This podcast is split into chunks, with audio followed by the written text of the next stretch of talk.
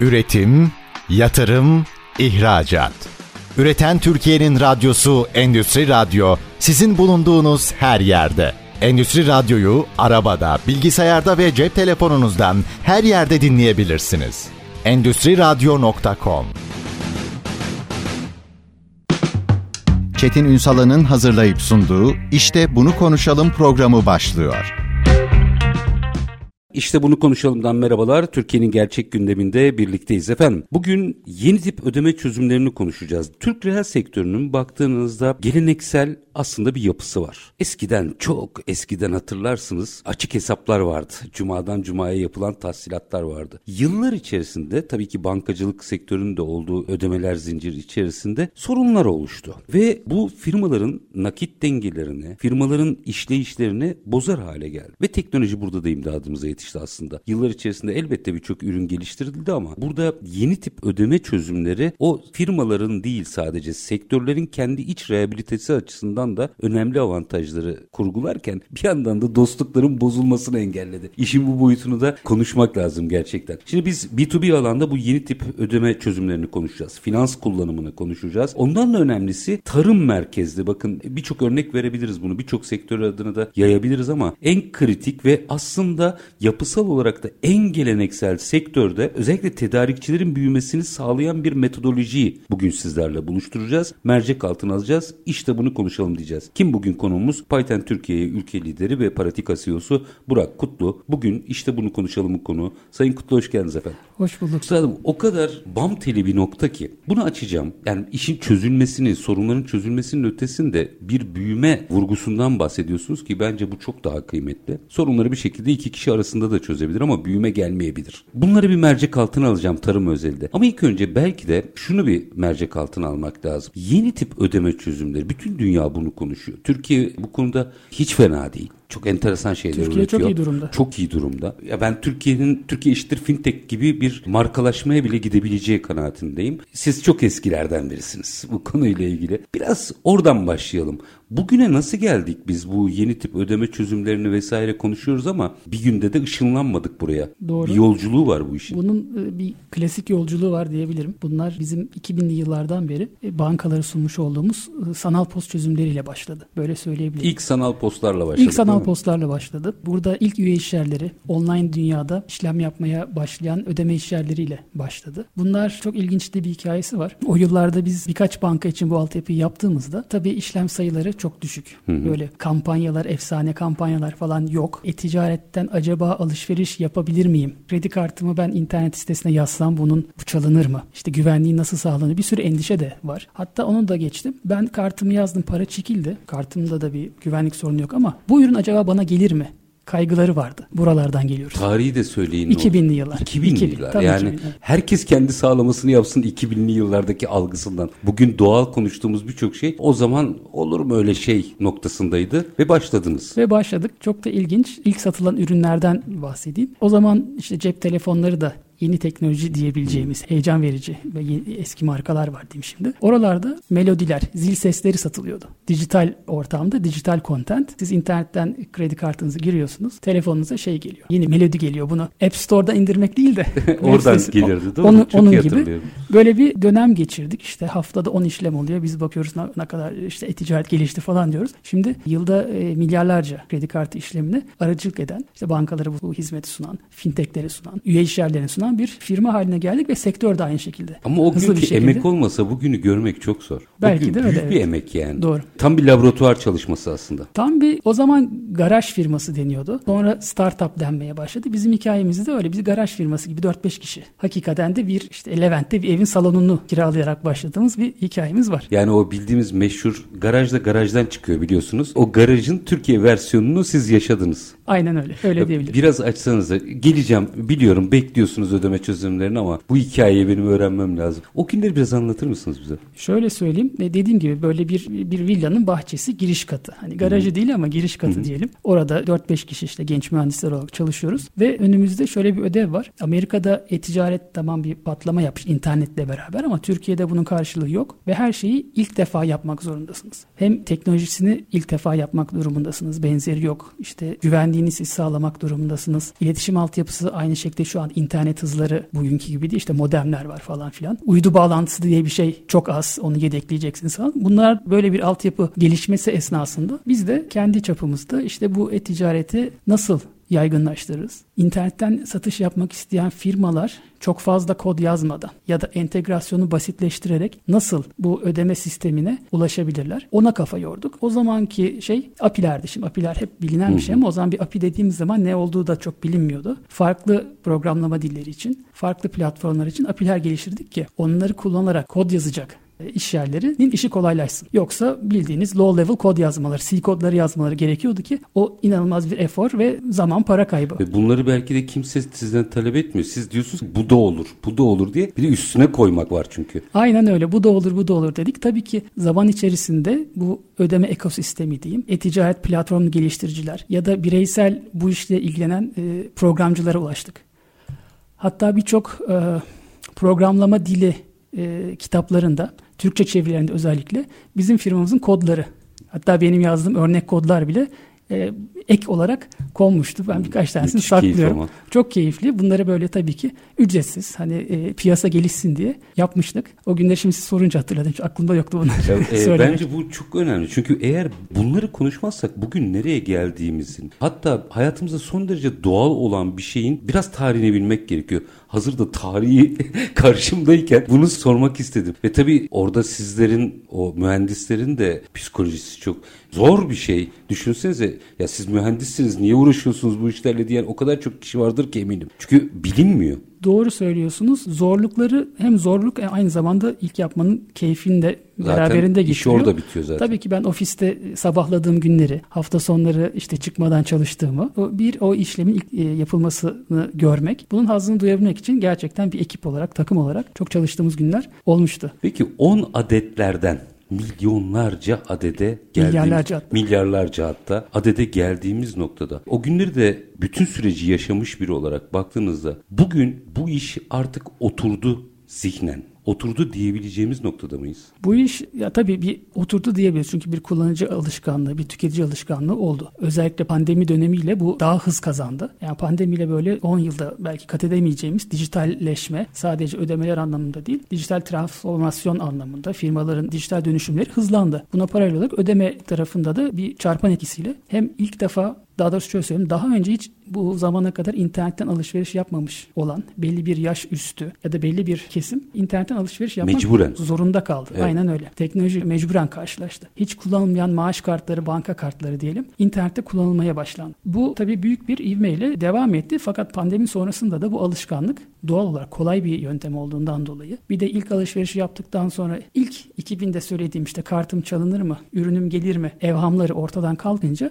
bu kalıcı bir alışkanlık olarak internet alışverişlerinde bir büyüme, bir potansiyel, bir talep artışı gerçekleşti. Peki yine aşama aşama gidiyorum çözümlere gelmeden önce. B2C'de çok daha farklı bir kanaat oluştu. Yani herkes daha alıştı aslında. Kimse artık e, kartıma bir şey olur mu diye düşünmez hale geldi. Ki bu dijital ödeme sistemleri yani yeni tip ödeme sistemleri çok sık kullanılmaya başlandı. B2B ile ilgili daha bazı alışkanlıkları kıramadık. Biraz sonra bunun faydalarını açmak istiyorum ama ilk önce şu işin felsefi tarafını halledelim. Orada biraz daha yavaş gitti işler. Niye? B2B tarafında dediğiniz çok doğru. B2C Getirisi ile, çok daha yüksek B2, aslında. Kesin o da doğru. B2C ile bu pazara giriş yapıldı diyelim. Altyapılar orada gelişti. B2B tarafında biraz daha geleneksel ve klasik ödeme ya da tahsilat çözümleri kullanılıyordu. Yani çek kullanılıyor mesela. Hı, senet hatta. Çek senet kullanılıyordu. Oralardan işte acaba kredi kartı da burada bir ödeme enstrümanı, tahsilat aracı olarak kullanılabilir mi? O fikre alışmak gerekti B2B tarafta. Peşinden işte merkez ve bayilik yöntemiyle çalışan firmalarda acaba bayiler tahsilatlarını merkeze öderken kredi kartlarıyla ödeyebilir mi? Çünkü ister istemez işte e, enflasyonlu dönemde 2000'den beri birkaç defa oldu şimdi de oluyor. Oralarda acaba bu tahsilatları erteleme metotları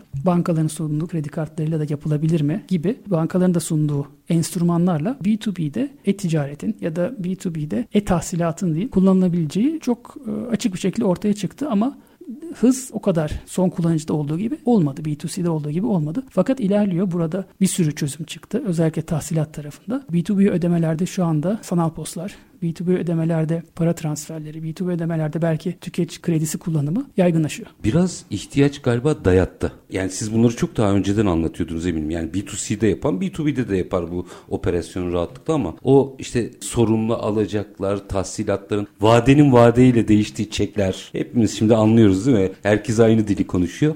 Ondan sonra herkes şunu keşfetti ki bir dakika bu yeni ödeme metotlarıyla hiç müşterinizle alacaklığınızla vereceklerinizle herhangi bir problem yaşamadan, ilişkinizi bozmadan sistematik yürüyebiliyormuş. Bunu da biraz açar mısınız? Nasıl yürüyebiliyor? Şöyle yürüyor. Tabi ister istemez hani merkezin bayiyle ya da bayinin işte son kullanıcısı müşterisiyle arasındaki bu finansal sürtünmeyi diyeyim ve sorumluluğu aynı zamanda özellikle banka kartları kullanıldığı durumda bu sefer banka o tahsilat sorumluluğun üzerine almış oldu. Müşteriyle bayi ya da merkez arasında böyle bir e, sürtünme ortadan kalktı. Ben bayi olarak müşterimden alacağımı takip etmem gerektiği durumlarda eğer bunu kartla ödetirsem o zaman kartın alacağı banka tarafından takip edilecek. Son kullanıcı da bankayla bir böyle bir ilişkiye girdiğinde işte alışverişi yaptığı yeri değil bankayı muhatap görüyor. Çünkü zaten o bankayla başka bir ticari ilişkisi de var. Onun içerisinde bir sorumluluk olarak düşünülüp bayinin bir problemi ya da bayiyle arasındaki ya da alışveriş yaptığı yerde yerle arasında bir ticari hukuki bir problem olarak görmüyor. E, firmanın avantajını firma ise bankayla yaptığı anlaşma koşulunda kendi ödemesini gününde ve zamanında alabiliyor. Aslında sahaya hakem girdi. Diyebiliriz. Daha önce hakemsiz oynanan bir maç şimdi hakemli oynanır hale geldi. Peki yine birazdan bir araya gideceğim. Detayları diğer bölüme saklıyorum ama burada bir kere bir işin mantalitesini bir oturtalım. Buna niyetlenen komşusundan, arkadaşından duyanlar geçerken şöyle bir soru işareti. Yani piyasada hep konuştuğumuz için bunları ben de duyuyorum. Diyor ki ya geçeceğim ama benim teknolojik altyapım falan buna müsait mi? Kere bunu bir konuşalım mı? Çünkü bunu da ben anlayamıyorum. Tüketici olarak cep telefonunu çılgınca kullanabilen herkes işle alakalı bir noktaya geldiğinde tereddüt yaşıyor. Bunu nasıl aşacağız? Şimdi şöyle böyle bir ödeme çözümüne ya da tahsilat çözümüne geçmek için ilk zamanlar diyeyim tabii ki nasıl biz altyapıları kendimiz geliştirmek durumundaysak o zamanki işte bu alanda iş yapan yerler defa keşfetmeleri gerekti. Ama şu an üzerinden çok zaman geçtiği için artık platformlar var. E-ticaret platformları var. Ya da tahsilat platformları var. Bunlar hem B2C için hem de B2B için İki tarafta da var. geçerli. Ve biz de e, firmamız olarak bu platformlara artık entegrasyon yapıyoruz ki daha sonra o platformu kullanan son kullanıcılar, müşteri ya da üye işyerleri ayrı bir entegrasyona ihtiyaç duymadan o kanallar üzerinden daha önceden entegre edilmiş, test edilmiş yapılar ya da yollar üzerinden payment rails deniyor buna aslında endüstride. O e, ödeme e, rayları üzerinden geliyor. Ayak izlerinden devam ediyorlar. Ayak üzerinden devam ediyor. Tekrar tekrar aynı şeyi yapmaya ihtiyaç duymuyorlar. O yüzden şu an gelinen noktada bazı standart platformlar ve bunlar da rekabet içerisinde olduğu için ürünler gelişti. işte maliyetleri düştü. Bunları kullanarak çok rahatlıkla ödemelerini online kanala taşıyabilirler. Öncesi ve sonrasını yaşayan bir firmadan ismini vermeyin lütfen. Anekdot paylaşabilir misiniz? Kullanmadan önce ve kullandıktan sonraki hali. Ne geçti eline? Şöyle söyleyeyim bir müşterimizin CFO'su. Onun kendi anlattığı bana. İşte ürünü biz kendi ürünlerimizden bir tanesini kurmuşuz. Bir seneden fazla oldu çalışıyor. Sadece sohbet etmeyi konuşuyoruz. Bizim ürünü bana reklamını yapıyor ne kadar iyi kullandığını. Çok gururlandım çünkü harika bir şey. Dedi ki ben şunu sahip oldum. Sizin gateway'i kullanarak birden fazla bankanın sanal postunu entegre edebildim. Daha sonra bu bankalarla pazarlık yaparken şunu diyebildim. Benim gateway'imde senin bankanda var, rakip bankada var. Daha iyi oran veren birisi olursa ben orayı geçebilirim diyordum daha önce. Bankalar da bana çok uzun sürer, entegre edemezsin. O işin operasyonu maliyeti çok yüksek. Onu yapacağına biz sana şu kadar indirmeyelim kal diyordu. Şimdi artık o kadar rahatlıkla geçiş yapabiliyorum ki çünkü bunların hepsi hazır. Onlarca banka gateway içerisinde hazır. Tek tuşa basarak ve bir yazılım ya da IT departmanının müdahalesine gerek kalmadı. Bir geliştirme yapmadan bir tuşa basarak ödeme kanalını değiştirebildiği, değiştirebilme lüksünü CFO'nun eline verdiğimiz için bana söylediği şey beni özgürleştirdin. Ödeme yöntemini ben istediğim zaman çevirebiliyorum. Müşterime daha düşük maliyette bu ödeme işini yaptığımdan dolayı daha iyi hizmet, daha az maliyetli hizmet sunabiliyorum. Aynı zamanda benim pazarlık gücümü arttırdın. Ürünün bana verdiği budur. Çok teşekkür ederim şeklinde bitirdiğini benden daha iyi bana anlattı. Ee, bu çok güzel bir şey işte. Yani daha doğrusu nasıl kullanabildiğini anlatmaya çalışırken ki bu reaksiyon bence müthiş. Minik bir araya gideceğim. Aranın ardından aslında bir yolculuk da yapacağım ama tarımı özel konuşmak istiyorum. Çünkü tarımda enteresan bir şey de var. Biz biraz öncesinde Sayın Kutlu ile konuşurken talebin sağdan geldiğini söyledi. Onu da açacağım ama minik bir ara. Herkes şirini kahvesini bir tazelesin. Python Türkiye ülke lideri ve Paratika CEO'su Burak Kutlu bizlerle birlikte. İşte bunu konuşalım diyeceğiz. Lütfen bizden ayrılmayın efendim. Üretim, yatırım, ihracat. Üreten Türkiye'nin radyosu Endüstri Radyo sizin bulunduğunuz her yerde. Endüstri Radyo'yu arabada, bilgisayarda ve cep telefonunuzdan her yerde dinleyebilirsiniz. Endüstri Radyo.com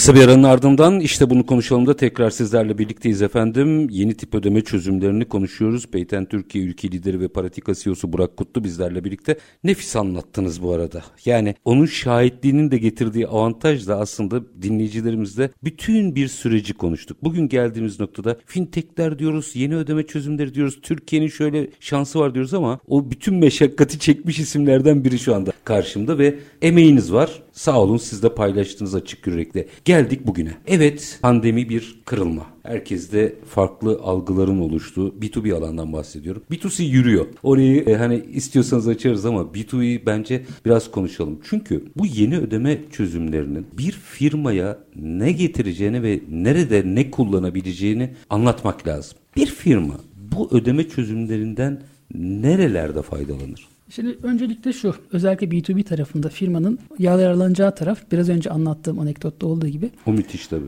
Birden fazla ödeme kanalıyla ya da ödeme yöntemiyle entegre olabilmeyi sağlamak. Pazarlık gücünü de arttırıyor. Pazarlık gücünü arttırabilmek. Aynı zamanda eğer bir posta bir problem olursa yedeğiyle o tahsilatı yapmaya devam etmek. Böylece işlemin durmamasını sağlamak. Müşterinin bir problem yaşamadan biraz işlem süresi uzasa da öbür postan işlemin geçmesini sağlayabilecek altyapı veriyor. Bu başarı oranını arttırıyor. Çünkü deney deneyim tabii ki çok önemli. B2B bile olsa tahsilat sırasında bir problem yaşadığınızda bir hemen çekince ne oldu acaba sorusu geliyor akla. Onu, onu aşabilmek için yedeklilik ve iş sürekliliği anlamında gerekli altyapıların, yedek sistemlerin hep çalışıyor olması gerekiyor. B2B'de böyle bir ödeme geçidi, ödeme altyapısı kullanıldığı zaman o B2B firma bunu aslında hazır olarak almış ve garanti etmiş oluyor. Ödeme yöntemlerinin senkron bir şekilde çalışacağını. Bunu biraz açarsak farklı kart markaları var ve bu kart markalarının farklı taksit programları var. Bir taksit programını çalıştıran bankanın da aslında bir yedeği var. Başka bir banka da onu çalıştırıyor. Bunun gibi yedekleme sistemleri devreye giriyor ve aynı zamanda en uygun komisyon oranıyla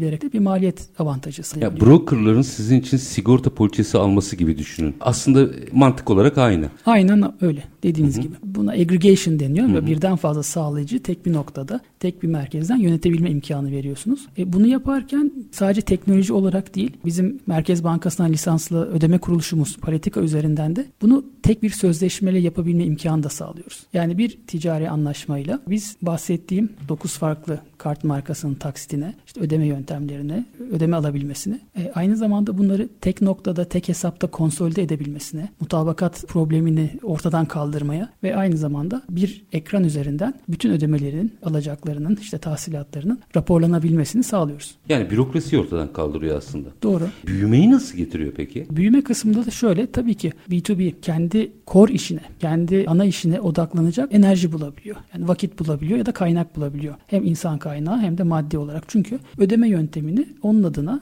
işleten, ödeme yönteminin karmaşıklığını, ödeme yöntemlerinin işte bakımını. Çünkü çok kompleks bir sistem. Hı hı. İnternet üzerinden bir kartta işlem yaptığınızda onun geçtiği yol işte öncelikle ilk firmanın teknolojisi. Arkasında ödeme geçidi. Ödeme geçidinin arkasında bir ödeme şirketi varsa ödeme kuruluşu orası. Oradan sonra Türkiye'de bir kartı işte bankalar arası kart merkezinden geçip ilgili kredi kartı çıkaran bankaya kadar. Yurt dışı bir kartsa onun işte Visa, Mastercard ya da benzeri kart kuruluşları üzerinden ilgili bankaya gitmesini ve tekrar aynı yoldan geri dönmesini. Tabi burada güvenlik filtreleri var her dediğim aşamada. İşte bazı yoğun zamanlarda, peak zamanlarda işte trafiği kontrol eden bazı araçlar var. Bunların hepsinin senkron çalışması sonucunda bir ödeme yapılabiliyor ve bu tabii ki bir saniye içerisinde, milisaniye içerisinde gerçekleşiyor. Bu karmaşıklığı yönetmeyi B2B firmalar işte ödeme şirketlerine devretmiş durumda. Burada tabii esas olan yazılım Tabii. ve yapay zekayı da muhtemelen kullanıyorsunuz artık. Orada bu işin önemini anlatmak için bir minik örnek vereyim. Bir iş insanı arkadaşım şöyle bir şeyden yakınmış hani vizyon vizyon konuşuyoruz. Çetin sadece ben değil bütün sektör, sektörünü söylemeyeyim şimdi herkes kendi üstüne alınabilir. Alınsın yani. Herkeste aynı şey var çünkü. Bir günlük mesainin %70'ini alacak verecek takibiyle uğraşıyorum diyordu. Bu söylediğiniz aslında bir iş insanının bir günlük mesaisinin %70'ini ona hediye etmek anlamına geliyor. Doğrudur. Aynen bunu çok güzel toparladınız. E, bu mutabakat kısmı manuel yapılan bir şey çoğunlukla büyük bir firmalarda ve aynı zamanda bu mutabakatı eğer bir ödeme geçidi ya da ödeme sistemi kullanmıyorsanız kullandığınız ya da hesabınız olduğu her bankayla ayrı ayrı yapmanız gerekiyor. Yani bir banka çarp oraya ayırdığınız zaman artı kaç farklı sağlayıcıyla çalışıyorsanız o kadar da üzerine ekliyor. O da tabii ki ister istemez ya ben birkaç yerle çalışayım fiyatı biraz yüksek olsa bile manuel yüküm artmasın gibi bir dengeye ulaşıyor. Ama siz bir ödeme geçidini verip orayı özgürleştirdiğinizde rahatlattığınızda o zaman ilerisini düşünüp farklı ödeme alternatifleri de ben ekleyebilir miyim? Ben bunu eklersem benim operasyonum büyümeyecek hmm. dediğinde o zaman bahsettiğiniz şekilde o zaman hem hediye etmiş oluyoruz hem de o arta kalan zamanda belki daha inovatif çözümler üretebilmesi için fırsat sağlıyoruz. Teknoloji şunu el veriyor mu? Merakımda bilmediğim için soruyorum bunu. Geleneksel yapıda aşağı yukarı bir liste vardır. Herkeste de fiyat vardır ama müşteriden müşteriye, hacimden hacime değişen ödeme koşulları oluşturulur. Bu operasyonu dijital ortamda veya yeni ödeme sistemleri ortamında da yapabilmek mümkün mü? Müşteri bazında? Yapabilirsiniz. Şimdi iki tarafta yanıtlayayım. Biz kendi içimizde zaten firmanın ölçeğine işte bir startup olabilir, hobi olabilir Hı-hı. ya da bir büyük enterprise işletme olabilir. Fiyatlama yaparken tabii ki bunu e, göz önünde bulundurarak bir fiyatlama veriyoruz ama tek bir fiyat veriyoruz. Yani biz konsolide olarak bir ödeme sağlayacağız. Sizi kastetmedim. Siz tamam standart fiyat veriyorsunuzdur. Aynen. Ben müşterilerimle bu sistem üzerinden çalışırken Ayşe Ayşe ile Fatma Ayşe ya da Ali ya da Mehmet cinsiyet eşitliği olsun. Mesela Mehmet'le başka türlü çalışıyorumdur, Ayşe ile başka türlü çalışıyorumdur. İkisine bu sistem üzerinden farklı ödeme çözümleri sunabiliyor muyum? Kesinlikle. Yani daha somut bir örnek vereyim. Diyelim ki bir firmasınız hem yurt içinde ürünleriniz var, satış yapıyorsunuz hem de yurt dışına gönderiyorsunuz. Güzel. Şimdi işte Ayşe ile John Hmm. geldi. Biri yabancı kredi kartını kullanacak. Diğeri yerli Türk domestik kartını kullanacak. Ona sizin e, yabancı para birimiyle de hizmet verebiliyor olmanız gerekiyor. Birden fazla işte global convertible diyebileceğimiz para birimlerini desteklemek gerekiyor. Bunu yapabiliyorlar. Aynı zamanda eğer bir fiyat farklılaşması ya da ödeme yönteminin getirdiği bir ekstra maliyet varsa onu daha işte kart numarasını yazarken arka planda sistem hesaplıyor tabii ki. Ona göre bir fiyatlama yapıyor.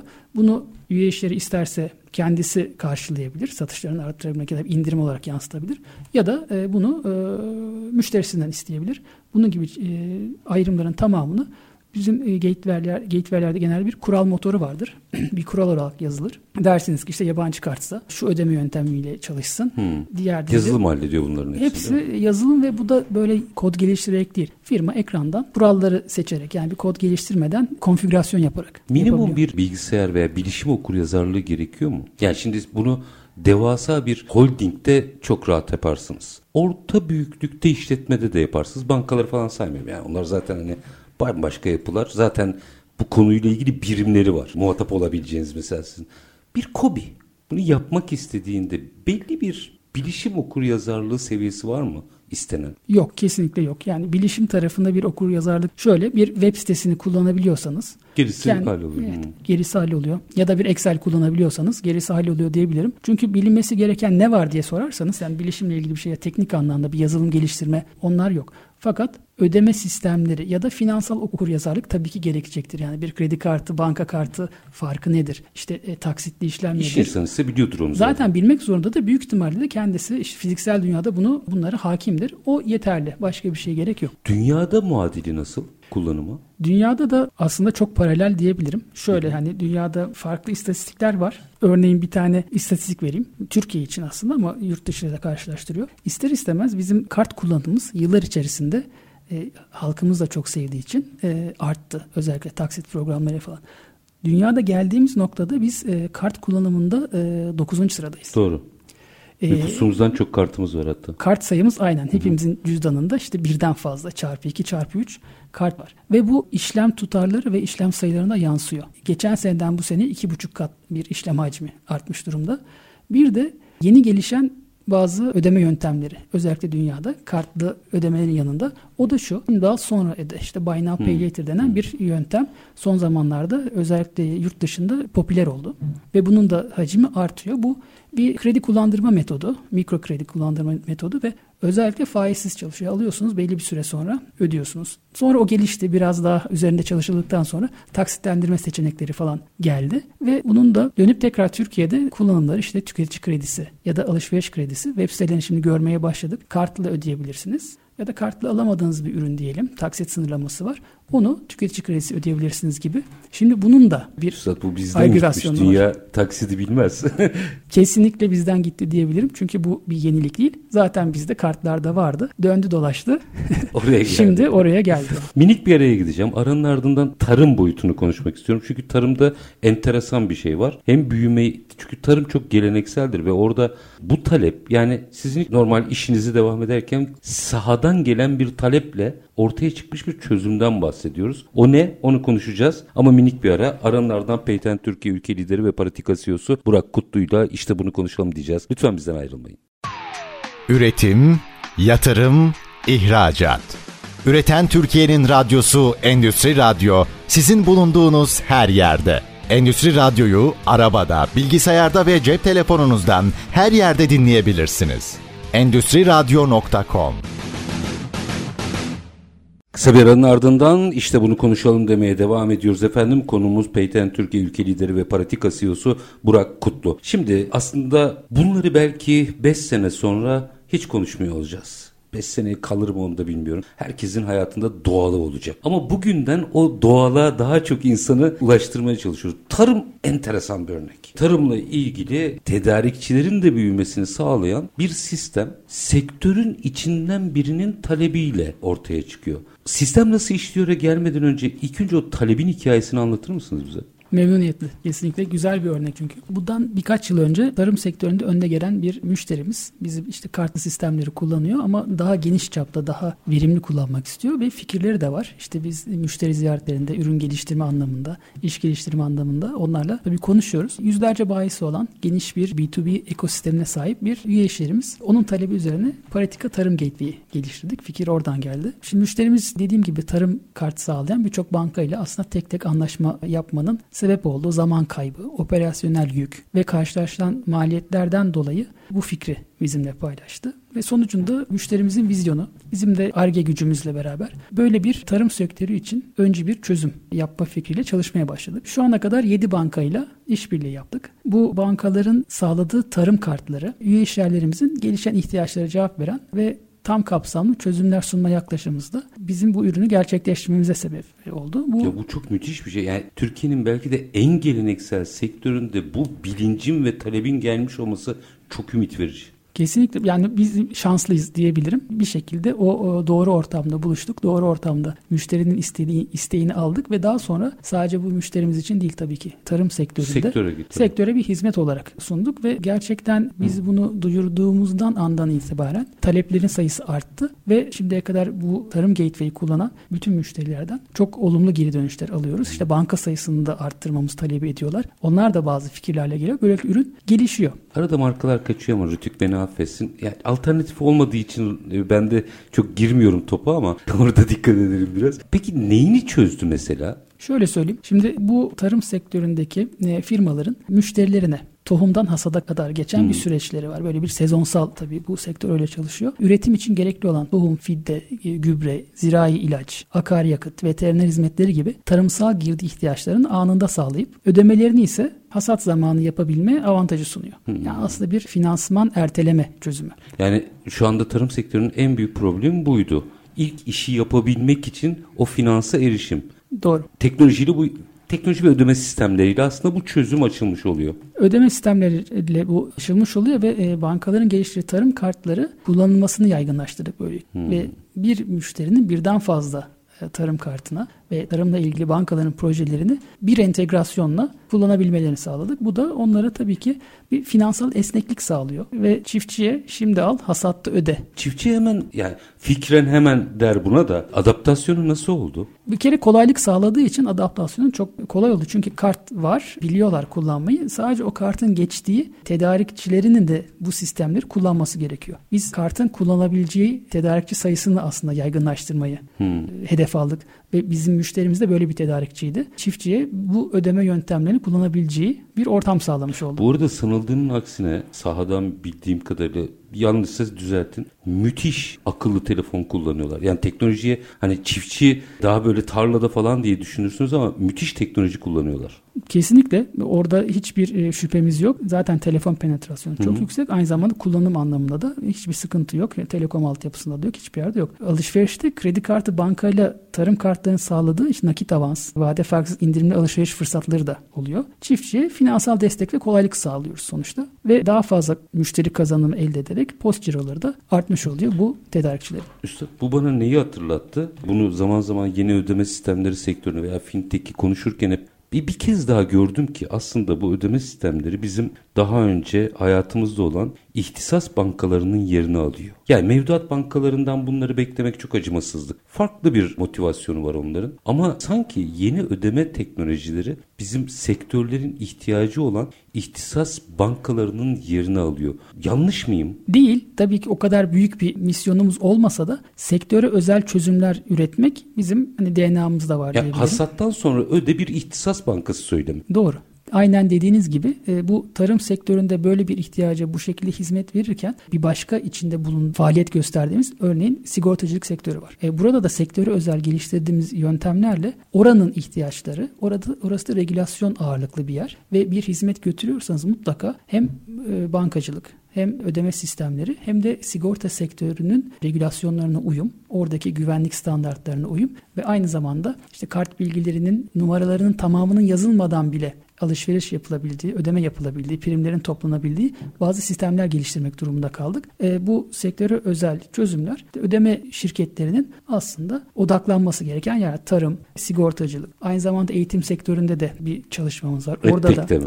şöyle Tek sektöründe. Eğitim tarafında. eğitim teknolojileri tarafı mı Eğit- şey mi? Eğitim, eğitim teknolojileri evet. ve aynı zamanda Hı. aslında daha klasik anlamda işte bir eğitim e, kurumunun tahsilatlarının ha, yapılabilmesi öğrenci, konu, öğrenciler şey, konusunda. Orada da tabii ki ister istemez bir kayıt süreci var. Orada da bir ilk başta bahsettiğimiz bayinin de müşterisi olan ilişki işte eğitim kurumunun veliyle olan bir ilişkisi var. Onu işte bankayı havale etmek aslında işi kurtarıyor, bir çözüm oluyor. Biz de onu kolaylaştırıyoruz. Açık yüreklikte soracağım. Açık yüreklikte cevap vereceğinize de eminim. Ödemelerde problem oluyor mu? Ödemelerde problem doğasında olabilir. Çünkü biraz önceki seansda anladım çok karmaşık bir sistem. Fakat hepsinin bir kurtarma metodu var. Ödeme bir problem oldu diyelim. O anda post cihazından düşün bir bağlantınız koptu. Hayır karşı dediğim teknolojik olarak değil. Hani mesela şimdi kullan sonra öde var ya e, zamanı geldiğinde herkes o ödemesini yapıyor mu? Tabii ki.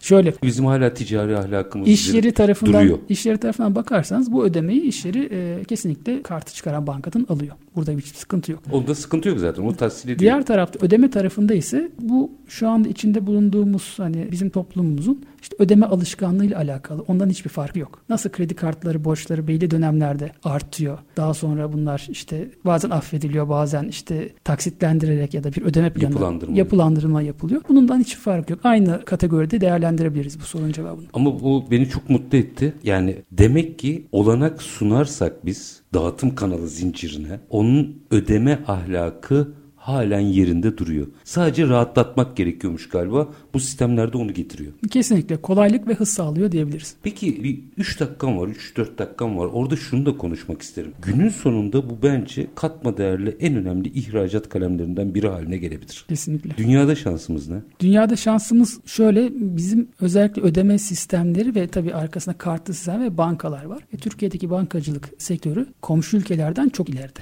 Böyle olduğu için bizim geliştirdiğimiz teknoloji teknolojiler ya da işte sistemler diğer ülkeleri çok rahatlıkla ihraç edilebilir.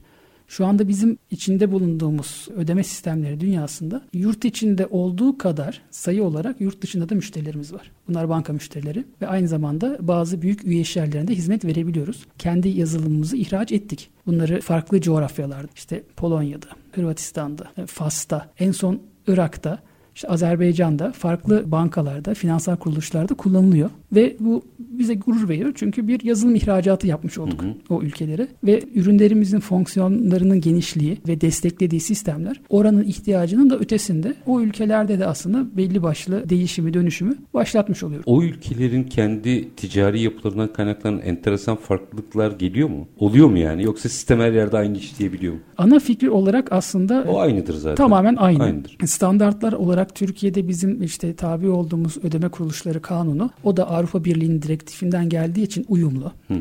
Verilerin güvenliği, kişisel verilerin korunması da aynı şekilde Avrupa Birliği'nden geldiğine o da uyumlu. GDPR denen global standartlar. Kişisel veriler. Kişisel veriler. Bunlarla uyumlu olduğu için bir sıkıntı yaşamıyoruz. Ama tabii ki bir lokal şey var. Özellik oluyor. Özellik, bir tat var tabii ki. Onu da o ülkede doğru bir partnerla ya da yine müşterinin kendi vereceği bilgiler doğrultusunda özelleştirmeniz gerekiyor. Gittiğiniz ülkede bir lokal ödeme sistemi olabilir. İnter, yani uluslararası sistemle çalışmayan. O zaman onu o ülke için baştan entegre etmeniz gerekiyor. Onu yaptığınızda da bu sefer o ülkenin bütün ihtiyaçlarını karşılamış bir sonraki müşteriye daha hazır bir fonksiyon setiyle gidebiliyorsunuz. Bunları çeşitli e, ülkelerde yaptığımız çalışmalarda yazılım kendimizin ve kendi mühendislerimiz ürettiğimiz için bu geliştirmeleri, eklemeleri yapabilecek bir ARGE merkezimiz var. Bu ARGE merkeziyle beraber biz o uyumu, lokalizasyonu yapabiliyoruz.